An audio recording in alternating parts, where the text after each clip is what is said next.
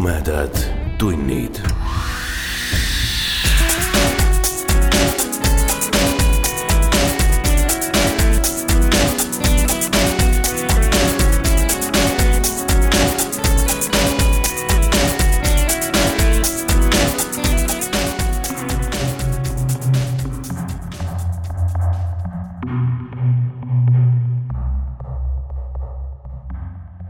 tere, hea ulmesõber sa hakkad kuulama Tumedad tunnid podcasti suvise järjejutu viiendat ehk viimast osa. nii et kui sattusid siia kogemata, siis mine veidi tagasi ja kuula, millest lugu alguse sai. ma loen teile viimase osa HP Lovecrafti õudusloost Vari Innsmouthi kohal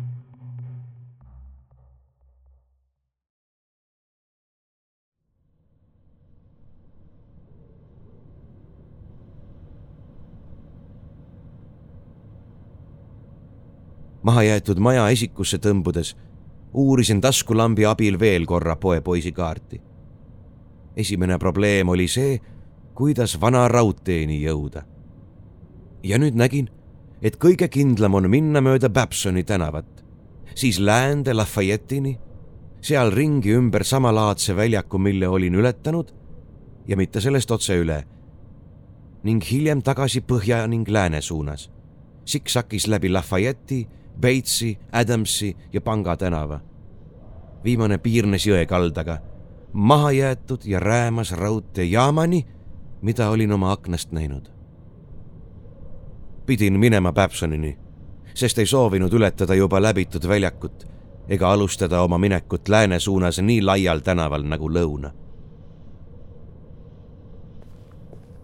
uuesti teele minnes ületasin tänava ja jõudsin paremale poolele et pöörduda ümber nurga Päpsonisse nii silmapaistmatult kui võimalik.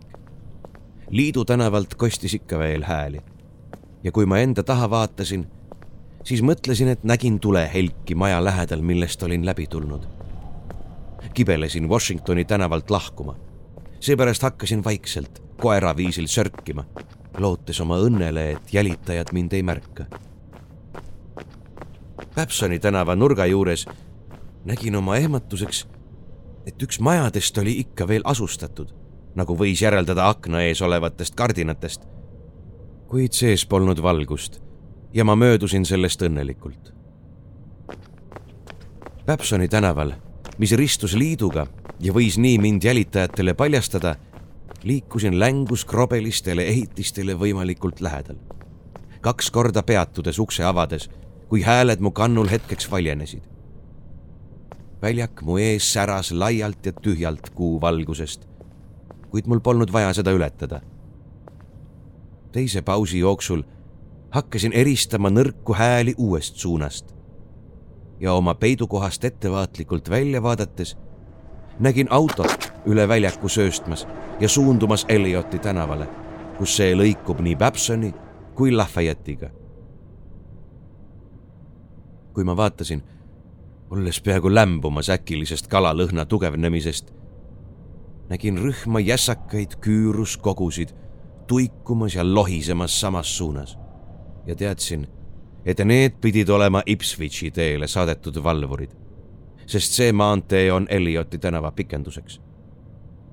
kaks kogu, keda ma silmasin, kandsid avaraid mantleid ja üks teravatipulist diadeemi, mis helkis valgelt kuupaistel selle kogu kõnnak oli nii kummaline, et tundsin külmajudinaid, sest mulle paistis, et olend peaaegu hüppas. kui viimane sellest rühmast oli silmist kadunud, jätkasin oma teed. sööstsin ümber Lafayette'i tänava nurga ja ületasin Elioti väga kiirustades, sest rühmast mahajääjad olid ikka veel Pikiseda tänavat edasi minemas kuulsin kaugemalt linnaväljakult krooksumist ja kära, kuid sain õnnelikult üle tänava.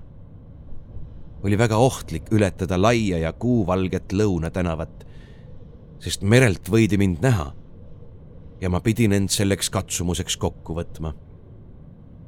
olin selgesti nähtav ja võib-olla märkavad mahajääjad Elioti tänaval mind ühes kahest punktist. viimasel hetkel otsustasin, et parem aeglustan käiku ja ületan risttee keskmise Innsmouthi kodaniku lohiseva kõnnakuga nagu ennegi. kui jälle avanes vaade merele, seekord paremalt, olin peaaegu otsustanud, et ei vaata seda üldse. siiski ei suutnud ma vastu pidada ja heitsin sinna kõrvalpilgu, kui ma ettevaatlikult ja võltsilt ees ootavate kaitsvate varjude poole komberdasin. Vaateväljas polnud laeva, nagu olin pooleldi arvanud olevat. selle asemel nägin esimese asjana üht väikest aerupaati, mis kadus mahajäetud paadisildade vahele ja mille lastiks oli kogukas presendiga kaetud ese. aerutajad, kuigi nägin neid kaugelt ja ähmaselt, olid eriti eemale tõukavad mõned ujujad olid ikka veel eristatavad. kuid kaugel mustal rihvil võisin näha nõrka püsivat imelikku värvi helendust, erinevat enne nähtud signaalidest. eesolevate viltuste katuste kohal paremal pool kõrgus Gilmani maja kuppelkatus, kuid see oli täiesti pime. hetkeks hajutas halastav tuulehoog kalalõhna, kuid see tuli eriti tugevalt jälle tagasi. ma polnud veel päris üle tänava jõudnud, kui kuulsin pomisevat rühma põhjast pikki Washingtoni tänavat tulevat. kui nad jõudsid laiale väljakule, kus olin esimest korda vaadanud hirmuäratavat pilti kuuvalgel merel, võisin näha neid selgelt vaid kvartali kauguselt. ja tundsin õudust nende nägude loomalikust ebanormaalsusest ning koeralikust küüruskõnnakust üks mees liikus täiesti ahvitaoliselt, pikad käed aeg-ajalt maad riivamas, sel ajal kui teine, mantlis ja tiaraga, paistis liikuvat peaaegu hüpates. arvasin, et see rühm oli see, keda olin näinud Gilmani õuel, seetõttu kõige tihedamalt mu kannul. kui mõned kogud pöördusid, et minu poole vaadata, kangestusin hirmust kuid mul õnnestus säilitada rahulik komberdav kõnnak, mida matkisin tänase päevani ma ei tea, kas nad nägid mind või mitte. kui nad nägid, pidi mu kavalus neid petma, sest nad läksid edasi mööda kuuvalget väljakut ilma suunda muutmata, vahepeal krooksudes ja vadistades mingis vihastama panevas kurgukeeles, mida ma ei suutnud ära tunda. jälle kord pimedas hakkasin uuesti koera moodi sörkima mööda kaldus ja igerikest majadest, mis vahtisid tühjalt õhhe olles ületanud läänepoolse kõnnitee, pöörasin ümber lähima nurga Peitsi tänavale, kus hoidsin lõunapoolsete majade lähedusse. möödusin kahest majast, mis paistsid olevat asustatud. ühel neist paistis ülemiselt korruselt nõrka valgust, kuid keegi ei takistanud mind. Adamsi tänavale pöördudes tundsin enda määratult kindlamana, kuid mind tabas vapustus kui otse minu nina all olevast mustast ukseavast tuikus välja mees. ta oli siiski liiga lootusetult purjus, et olla hädaohtlik. nii et jõudsin õnnelikult Panga tänava kaubaladude süngete varemeteni. keegi ei liikunud sellel surnud tänaval, jõe kuristiku kaldal ning koskede müha summutas mu sammud täielikult. see oli pikk pikk koerasörk lagunenud jaama poole. ja suure telliskivist kaubalao seinad mu ümber paistsid kuidagi hirmsamatena kui eramajade esiküljed. viimaks nägin iidset võlvitud jaama või seda, mis sellest järel oli ja suundusin otse rööbaste poole, mis algasid selle kaugemast otsast. rööpad olid roostes, kuid põhiliselt puutumata ja mitte rohkem kui pooled liipritest olid mädanenud. kõndida või joosta oli sellel pinnal väga raske, kuid ma andsin oma parima ja üldiselt olin väga kiire.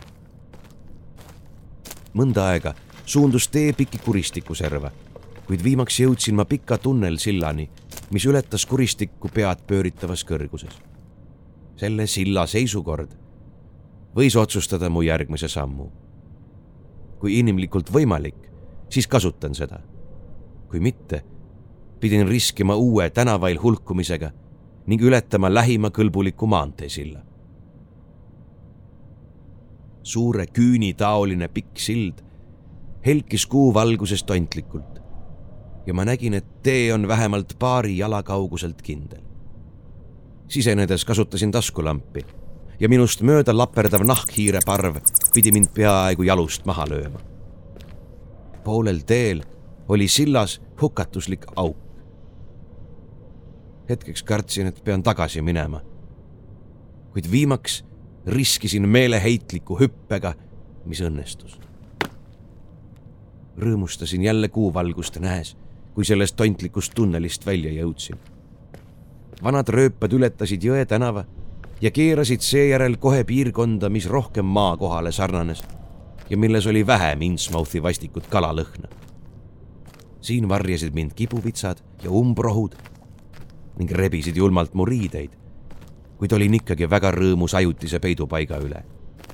teadsin, et suurem osa minu teest pidi olema Rowley maanteelt nähtav. Nõmm algas väga järsult üksiku rööpaga madalal rohusel nõlval, kus rohi oli pisut hõredam. Siis tuli mingisugune saareke kõrgemat maad, kus tee jõudis madalale avatud niidule, mis oli põõsaid ja murakapuhmaid täis kasvanud. rõõmustasin väga selle osalise varju üle, sest seal oli aknast nähtu järgi otsustades Rauli maantee ebamugavalt lähedal. lagendiku lõpus ristus see raudteega ja pööras ohutumasse kaugusesse kuid vahepeal pidin olema eriti tähelepanelik. olin sel hetkel tänulikult kindel, et raudteed ennast ei patrullitud. just enne niidule astumist vaatasin selja taha, kuid ei näinud jälitajaid. allakäiva Innsmouthi iidsed tornid ja katused helkisid armsalt ja taevalikult maagilises kollases kuuvalguses. ja ma mõtlesin, kuidas nad pidid välja nägema neil vanadel päevadel enne kui sellele langes vari. siis, kui mu pilk ringles linnalt sisemaale, köitis mu tähelepanu midagi vähem rahulikku ja hoidis mind hetkeks paigal. mida ma nägin või arvasin nägevat, oli mingi voogav liikumine kaugel lõunas, mis jättis mulje, et väga suur hord pidi linnast pikitasast Ipswichi teed välja voolama kaugus oli suur ja ma ei näinud mingeid detaile, kuid see liikuv kolonn ei meeldinud mulle üldse. see voogas liiga palju ja helkis liiga säravalt kuuvalgel, mis oli nüüd läänekaares. kuigi tuul puhus teisest suunast, oli kuulda loomalikku kraapimist ja möirgamist, mis oli isegi hullem kui viimati kuuldud rühmade pobinad oletasin igasuguseid ebameeldivaid asju. Mõtlesin neile väga erakordseile Innsmouthi tüüpidele, keda jutu järgi varjati lagunevates iidsetes tarandikes veepiiri lähedal. mõtlesin ka neile nimetuile ujujaile, keda olin näinud.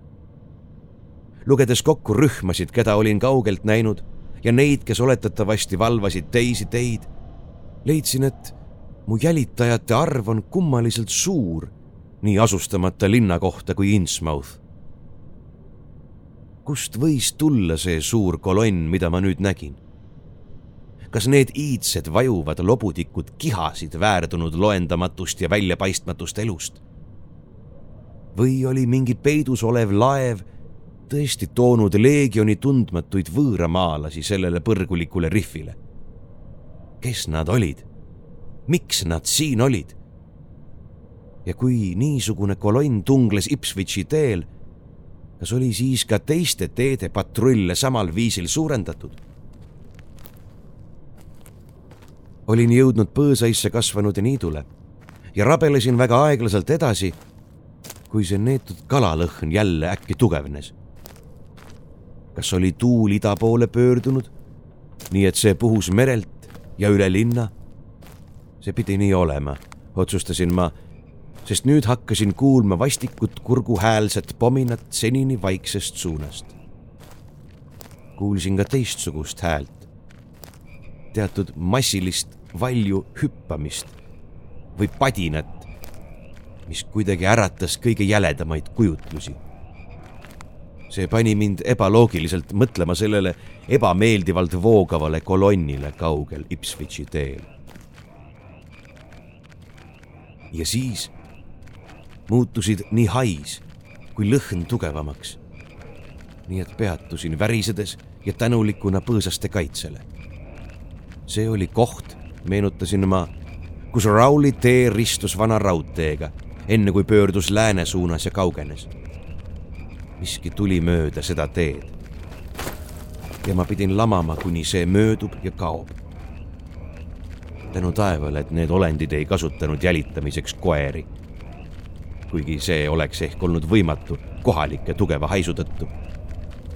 selles liivases lõhes põõsastes küürutades tundsin end üsna julgena, kuid teadsin, et otsijad pidid ületama tee minu ees mitte rohkem kui saja jardi kauguselt võisin neid näha, kuid nemad mind mitte, kui ei juhtu mingit õelat imet. äkki hakkasin seda vaatepilti kartma.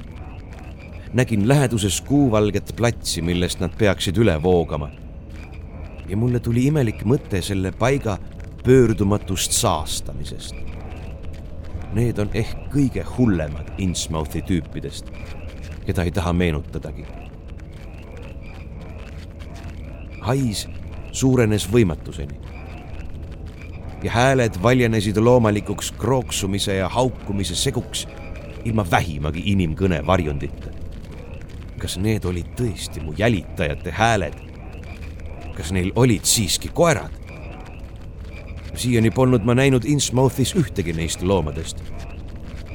see hüppamine või padin oli kole ma ei suutnud vaadata neid alla käinud olevusi, kes seda tekitasid. Pidin hoidma oma silmad kinni, kuni lärm lääne poole kaugeneb. hord oli nüüd väga lähedal. õhk oli rüvetatud nende kähedast lõrinast ja maa peaaegu rappus nende võõrapärase rütmiga sammudest. mu hing jäi peaaegu kinni ja ma panin iga untsi tahtejõudu ülesandesse silmi kinni hoida. Isegi praegu ei oska ma öelda, kas järgnev oli võigas tegelikkus või ainult luupainajalik hallutsinatsioon. hilisem föderaalvalitsuse tegevus, mis järgnes mu pöörasele palvele, kaldus kinnitama seda kui koletut tõde kuid kas ei saanud pettekujutlus korduda? kui seda põhjustas mingi kummitusliku linna tekitatud poolhüpnootiline lummus. niisugustel paikadel on kummalised omadused ja hullumeelne legendipärand võis neil surnud haisvatel tänavatel väga hästi mõjuda ka rohkemale kui vaid inimlikule kujutlusvõimele. võib-olla varitses Innsmouthi varju sügavustes mingi nakkava hullumeelsuse pisik.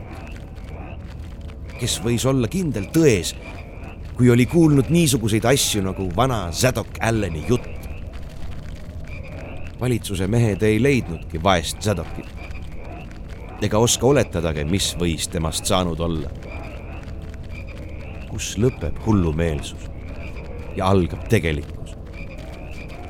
kas on võimalik, et isegi mu värskeim hirm on vaid illusioon. kuid pean püüdma jutustada, mida arvasin nägevat sel ööl pilkava kollase kuu valgel.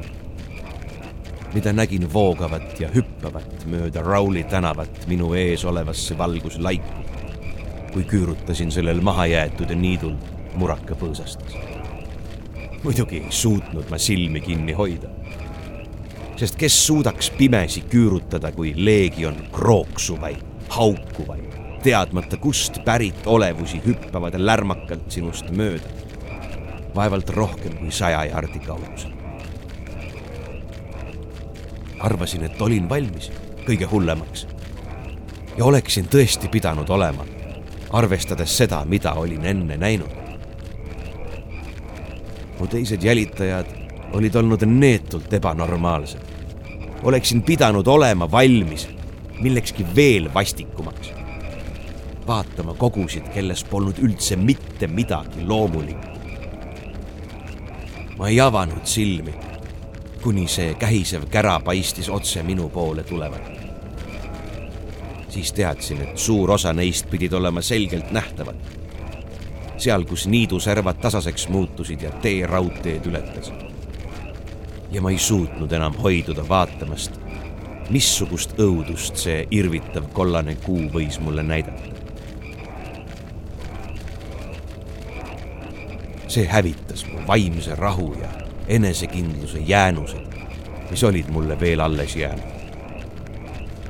minu usu inimmõistusesse ja rikkumatusse loodusesse. ükski minu kujutlus ega järeldus, isegi kui oleksin võtnud Zadoki hullumeelset juttu sõna-sõnalt, poleks olnud mitte mingil viisil võrreldav teemonliku, jumalat teotava reaalsusega, mida ma nägin või uskusin nägema. olen proovinud vihjata, mis see oli, et lükata edasi selle selge kirjapaneku koledust. kas võis olla, et see planeet oli tegelikult need elukad tekitanud? et inimsilmad on tõesti näinud seda, mis siiamaani on juhtunud vaid palaviku fantaasiates ja vähestes legendides ja siiski nägin neid piiramatu voona, hüppamas, kargamas, krooksumas, haukumas, ebainimlikult tuikumas läbi tontliku kuuvalguse, groteskses õelas, fantastilise luupainaja sarapandis. ja mõnel neist olid kõrged tiarad sellest nimetust valkjaskuldsest metallist ja mõnel olid kummalised mantlid. ja üks, kes kõndis kõige ees, oli riietatud tontlikult kühmjasse musta mantlisse ja triibulistesse pükstesse ning tal oli mehe viltkübar surutud vormitu asja otsa, mis pidi olema pea. arvan, et domineeriv värv oli hallikasroheline, kuigi neil olid valged kõhud. Nad olid enamasti läikivad ja libedad, kuid kurrud nende seljal olid soomuselised Nende kogud meenutasid ähmaselt inimeste omi, kuid nende pead olid kala omad, tohutute punnis silmadega, mis kunagi ei sulgunud. Nende kaelade külgedel olid tukslevad lõpused ja nende pikad käpad olid lestadega varustatud. Nad hüppasid ebaühtlaselt, vahel kahel ja vahel neljal jalal. olin kuidagi rõõmus, et neil polnud rohkem kui neli jalga. Nende krooksuvad, haukuvad hääled mida kindlasti kasutati artikuleeritud kõneks, väljendasid kõiki süngeid meeleolusid, mida polnud võimalik välja lugeda vahtivatelt nägudelt. kuid hoolimata nende koletislikkusest, polnud nad mulle tundmatud. teadsin liigagi hästi, kes nad pidid olema. ehk oli see mälestus kurjailmelisest Diarast Newburyportis veel värske Need olid jumala teotuslikud kalakonnad nimetult mustrid, elus ja kohutavad.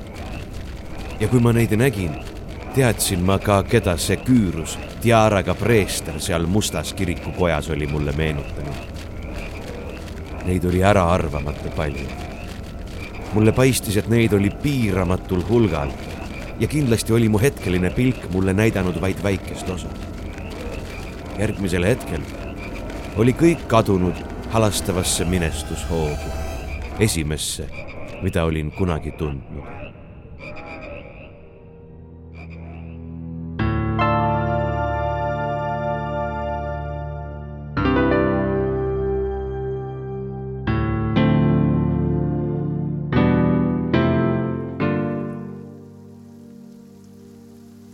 Õrn päevane vihm äratas mind unest sellel põõsaisse kasvanud raudteeäärsel niidul. ja kui ma eesolevale maanteele komberdasin, ei näinud ma värskes mudas mingeid jälgi. ka kalalõhn oli kadunud. Innsmouthi varemeis katused ja lagunenud tornid terendasid hallilt kagusuunast. kuid ümbritsevatel mahajäetud soolaväljadel ei näinud ma ühtki elavat olendit. mu kell käis ikka veel ja ütles, et see on üks. Kahtlesin, kas nähtu polnud uni, kuid tundsin, et selja taha jäi midagi vastikut. pidin sellest kurjast varjulisest Innsmouthist minema saama ja seepärast hakkasin proovima oma krampis vaevatud jalgu. hoolimata nõrkusest, näljast, hirmust ja hämmeldusest olin mõne aja pärast suuteline kõndima. niisiis alustasin aeglaselt läbi mudateed Rowlisse. enne õhtut jõudsin külla, sain süüa ja varustasin end sobivamate riietega. jõudsin öisele Arkhami rongile ning järgmisel päeval rääkisin pikalt ja siiralt sealsete valitsusametnikega mida tegin ka hiljem Bostonis. Nende kõneluste peamiste tagajärgedega on avalikkus nüüd tuttav. ja ma soovin terve mõistuse pärast, et mul poleks rohkem rääkida. võib-olla on see hullus, mis mind valdab, võib-olla suurem õudus või suurem ime. see selgub varsti. nagu võite ette kujutada, loobusin suuremast osast reisikohtadest, mida olin kavatsenud külastada maastikulistest, arhitektuurilistest ja antikvaarsetest lõbustustest, millega olin nii väga arvestanud. ma ei julgenud ka vaadata seda kummalist ehet, mis räägiti olevat Miskatoniku ülikooli muuseumis. siiski kasutasin oma Arkhamis viibimist, kogudes mõningaid genealoogilisi märkmeid, mida olin kaua soovinud saada. väga tooreid ja töötlemata andmeid, see on tõsi, kuid sobivaid hilisemaks kasutamiseks kui mul võib olla aega neid võrrelda ja korrastada. sealse ajalooseltsi kuraator, Mr E Lapham Peabody aitas mind väga lahkesti ja väljendas ebatavalist huvi, kui ütlesin talle, et Arkhamist pärit Eliza Orn oli minu vanaema, kes oli sündinud tuhande kaheksasaja kuuekümne seitsmendal aastal ja abiellunud seitsmeteistkümne aastaselt James Williamsoniga Ohiost paistis, et mu emapoolne onu oli käinud seal küsitlemas palju aastaid enne mind ja et mu vanaema perekond oli olnud teatud kohaliku uudishimu objektiks. oli olnud, nagu Mr Peabody ütles, märkimisväärne vaidlus tema isa Benjamin Orni abielu üle just pärast kodusõda, sest pruudi päritolu oli eriti hämmastav. see pruut oli olnud üldise arusaama kohaselt orvuks jäänud Marsh New Hampshire'ist, Essexi krahvkonna Marshide nõbu. kuid oli saanud hariduse Prantsusmaal ja ta teadis oma perekonnast väga vähe.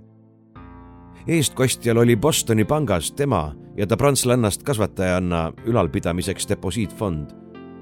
kuid eestkostja nimi oli Arkhami inimestele tundmatu ja aja jooksul kadus ta silmist, nii et kasvatajanna astus kohtuotsuse kohaselt tema osa täitma. prantslanna, nüüd juba kaua surnud oli olnud väga sõnakehv ja mõned ütlesid, et ta oleks pidanud rohkem rääkima, kui ta seda tegi.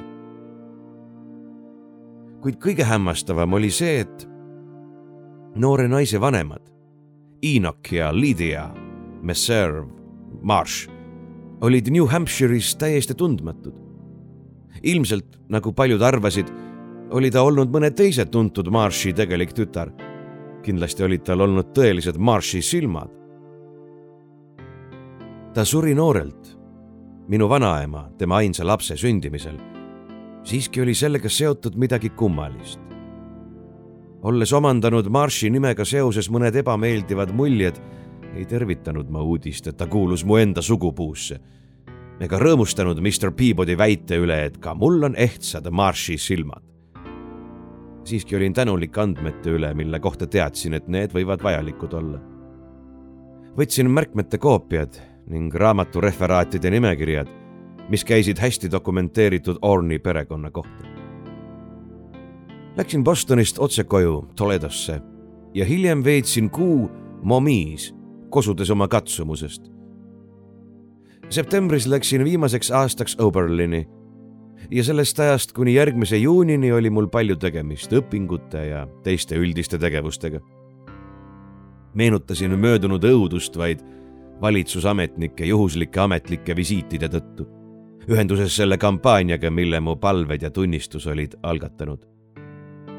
juuli keskosa paiku, just aasta pärast Innsmouthi kogemust, veetsin nädala oma ema suguvõsa noorimate liikmetega Clevelandis, kontrollides mõnda oma uutest genealoogilistest andmetest, erinevate märkuste, traditsioonide ja mälestusasjade abil, mis seal olid ja vaadates, missugust üldist sugupuud võisin selle abil konstrueerida.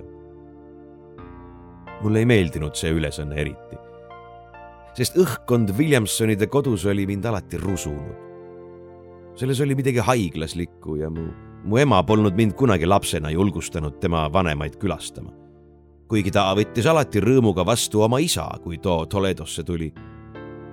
mu Arkhamis sündinud vanaema oli paistnud mulle kummalisena ja peaaegu hirmutavana ning ma ei usu, et leinasin, kui ta kadus olin siis kaheksa aastat vana ja mulle räägiti, et ta oli pärast oma vanima poja, onu Douglase enesetappu leinates minema reisinud.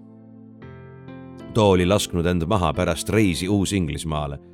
kahtlemata oli see reis põhjustanud tema tagasikutsumise Arkhami ajalooseltsist. see onu oli olnud vanaema moodi ja ka tema polnud mulle kunagi meeldinud. miski nende mõlema vahtivas pilkumatus ilmes oli täitnud mind seletamatu ebamugavustundega. mu ema ja onu Walter polnud niimoodi välja näinud. Nad olid oma isasse. kuigi vaene väike nõbu Lawrence, Walteri poeg, oli olnud oma vanaema peaaegu täiuslik koopia, enne kui ta pidi tervise pärast täielikult Cantoni sanatooriumisse eralduma. ma polnud teda neli aastat näinud, kuid mu onu vihjas kord, et ta seisund nii vaimne kui füüsiline, oli väga halb. selle mure oli põhjustanud tõenäoliselt ränk õnnetus, tema ema surm kaks aastat tagasi. mu vanaisa ja ta lesest poeg Walter valitsesid Clevelandi majapidamist, kuid mälestus vanadest aegadest rippus raskelt selle kohal. mulle ikka veel ei meeldinud see koht. ja ma püüdsin saada oma uuringutega ühele poole nii ruttu kui võimalik Williamsonide mälestustest ja traditsioonidest rääkis mulle ohtralt mu vanaisa. Kuigi Orni materjalide saamisel sõltusin oma onu Walterist, kes andis minu käsutusse kõik oma andmed, kaasa arvatud märkused, kirjad, väljalõiked, mälestusesemed, fotod ja miniatuurid. kui ma töötasin läbi Orni kirju ja pilte, hakkasin oma esivanemate pärast tundma mingisugust hirmu. nagu olin öelnud mu vanaema ja onu Douglas olid mind alati häirinud. nüüd, aastaid pärast nende kadumist, vaatasin nende nägusid märksa suurema vastumeelsuse ja võõristusega. alguses ei suutnud ma seda mõista, kuid järk-järgult hakkas õudne võrdlus suruma end mu alateadvusse. hoolimata sellest, et mu mõistus ei tunnistanud seda. Nende nägude tüüpiline ilme rääkis nüüd millestki, mida ma polnud varem mõistnud. millestki, mis võis tekitada täielikku paanikat, kui sellest liiga palju mõtelda. kuid kõige hullem vapustus tuli, kui mu onu näitas mulle Orni ehteid all linna pangakastis. mõned neist asjadest olid õrnad ja küllalt inspireerivad. kuid seal oli üks kast kummaliste vanade esemetega mis olid kuulunud mu salapärasele vana-vanaemale, mida mu onul oli peaaegu vastumeelt näidata. Need olid, ütles ta, väga grotesksed ja peaaegu eemale tõukava vormiga. ja neid polnud tema teada kunagi avalikult kantud. kuigi mu vanaemale meeldis neid vaadata. Nendega seoses räägiti midagi halvast õnnest ja mu vana-vanaema prantslannast kasvataja oli öelnud, et neid ei tohi kanda Uus-Inglismaal kuigi nende Euroopas kandmine oleks üsna ohutu. Kui mu onu hakkas aeglaselt ja vastumeelselt neid asju lahti pakkima, soovitas ta mul mitte ehmuda nende kummalistest ja vastikutest mustritest. kunstnikud ja arheoloogid, kes olid neid näinud, tunnistasid nende valmistamise ülimalt ja eksootiliselt peeneks. kuid keegi neist ei suutnud nimetada täpset materjali või seostada neid mõne kunstitraditsiooniga seal oli kaks käevõru, tiara ja mingi rinnaplaat. Viimasel olid reljeefsed, väga kummalise kujuga figuurid. selle näitamise jooksul hoidsin oma emotsioone tugevalt vaos, kuid mu nägu pidi olema reetnud mu suurenevaid hirme. mu onu paistis muretsevat ja peatus pakkimisel, et mind vaadata.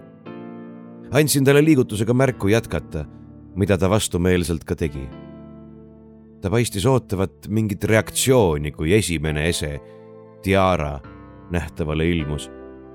kuid ma kahtlen, kas ta ootas just seda, mis tegelikult juhtus. mida ma tegin, oli, et kukkusin vaikselt kokku, just nagu olin teinud kibuvitsa kasvanud raudteeniidul aasta tagasi. sellest päevast peale on mu elu olnud mõtiskluste ja kartuste luupainaja. ja ma ei tea, mis on vastik tõde ja mis hullus. minu vana vanaema oli olnud teadmata päritolu Marsh, kelle abikaasa elas Arkhamis. ja kas vana Zadok ei ütelnud, et Obed Marshi ja koletisest ema tütar abiellus pettuse abil Arkhami mehega? ja mida pomises see vana napsivend minu silmade sarnasusest kapten Obedi omadega. Ka Arkhamis oli kuraator ütelnud mulle, et mul olid ehtsad Marshi silmad. kas Obed Marsh oli mu enda vana-vana-vanaisa? kes või mis oli siis olnud mu vana-vana-vanaema? kuid ehk oli see kõik hullumeelsus ehk oli mu tundmatu vana-vanaema isa ostnud need valkjas kuldsed ornamendid mõne Innsmouthi meremehe käest. Ja minu vanaema ning enesetapjast onu jõllitavaid silmi võisin endale lihtsalt ette kujutada. arvestades, et Innsmouthi vari oli mõjunud mu kujutlusvõimele nii tõsiselt. kuid miks oli mu onu tapnud end pärast ammust külaskäiku Uus-Inglismaale? rohkem kui kaks aastat olen võidelnud nende mõtetega. osaliselt edukalt. Mu isa otsis mulle koha kindlustusbüroos ja matsin end rutiini nii sügavalt kui võimalik.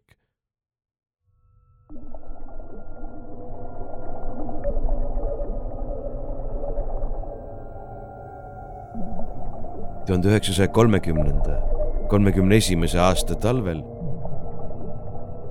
siiski algasid unenäod. Need olid alguses väga harvad ja salakavalad, kuid hakkasid sagenema ja elavnema, kui nädalad möödusid. suured veeväljad avanesid mu ees ja ma paistsin ekslevat läbi veealuste sammassaalide ning mererohtu kasvanud tohutute labürintide, kaaslasteks grotesksed kalad siis hakkasid ilmuma teistsugused olendid, keda ma ärkamise hetkel arusaamatult kartsin. Kuid unenäos ei hirmutanud nad mind üldse. olin üks neist.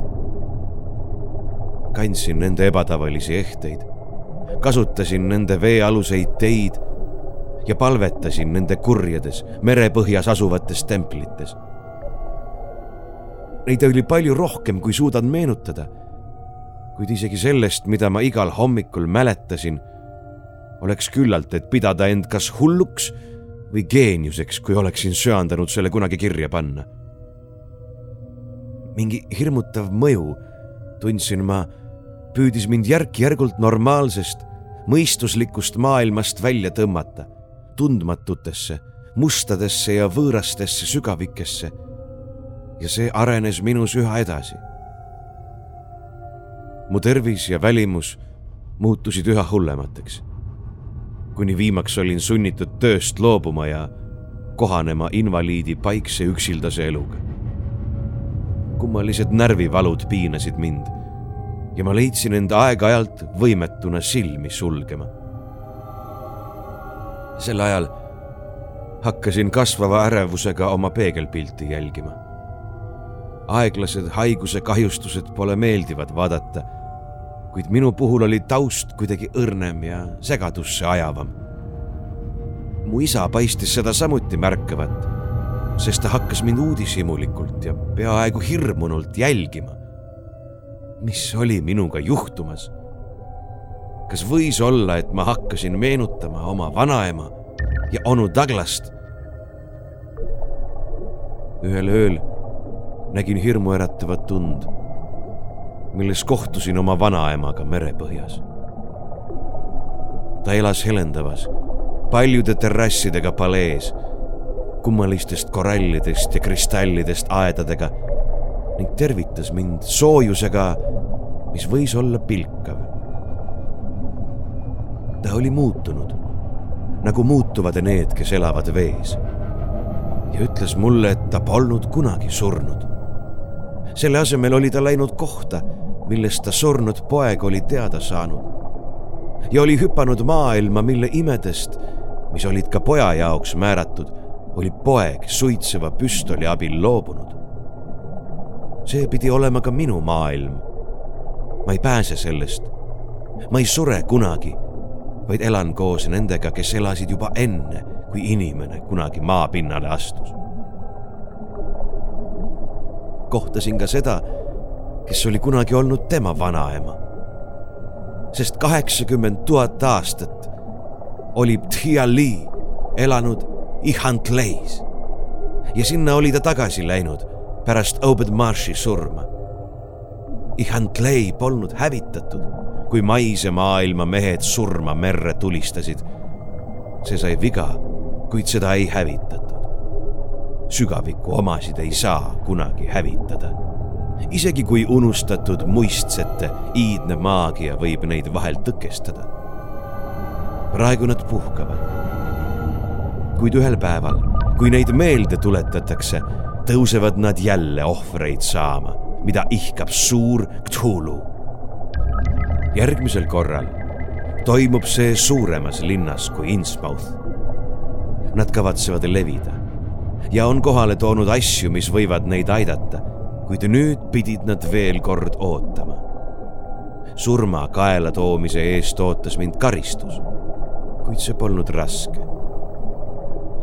see oli uni milles nägin esimest korda Šokothit. ja see vaatepilt äratas mu meeletult karjuvana.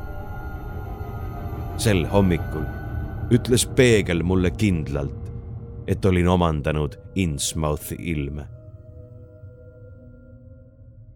senikaua polnud ma end maha lasknud, nagu tegi onu Douglas. ostsin automaatpüstoli ja peaaegu astusin selle sammu kuid teatud unenäod hoidsid mind tagasi. terav, äärmuslik õudus on vähenemas. ja ma tunnen, et mind kummaliselt tõmbab nende tundmatute meresügavuste poole, selle asemel, et neid karta. ma ei usu, et pean ootama täielikku muutust, nagu tegid paljud. kui ma seda teeksin siis suleks mu isa mind tõenäoliselt sanatooriumi, nagu mu vaene nõbu on juba suletud. hämmastavad. ja ennekuulmatud hiilgused ootavad mind seal all. Ja ma lähen nende juurde varsti.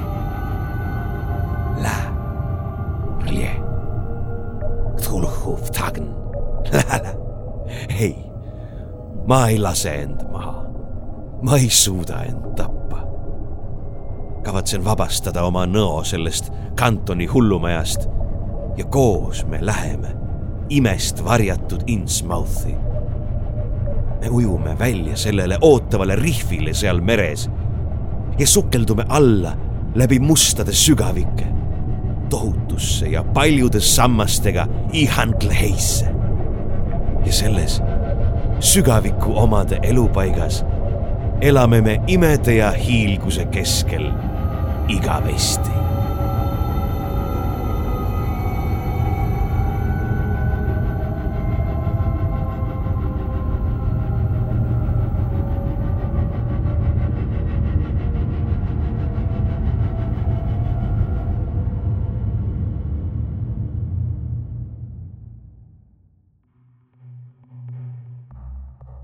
Te kuulsite viimast osa H.P. Lovecrafti õudusloost Vari Innsmouthi kohal tõlkinud Eva Luts, luges Priit Öövel. jutt on ilmunud kahe tuhande seitsmeteistkümnendal aastal kirjastuse Viiking välja antud Howard Phillips Lovecrafti jutukogus Cthulhu kutse. me kohtume teiega taas juba septembris, kui saab ilmuma meie tavapärane sügise alguse naturaalsete taustahelidega osa augustis on aga kõigil meie Patreoni toetajatel võimalus kuulata, mis juhtub siis, kui ühendada Lovecrafti maailm Eesti mütoloogiaga. Kõhedate kuulmisteni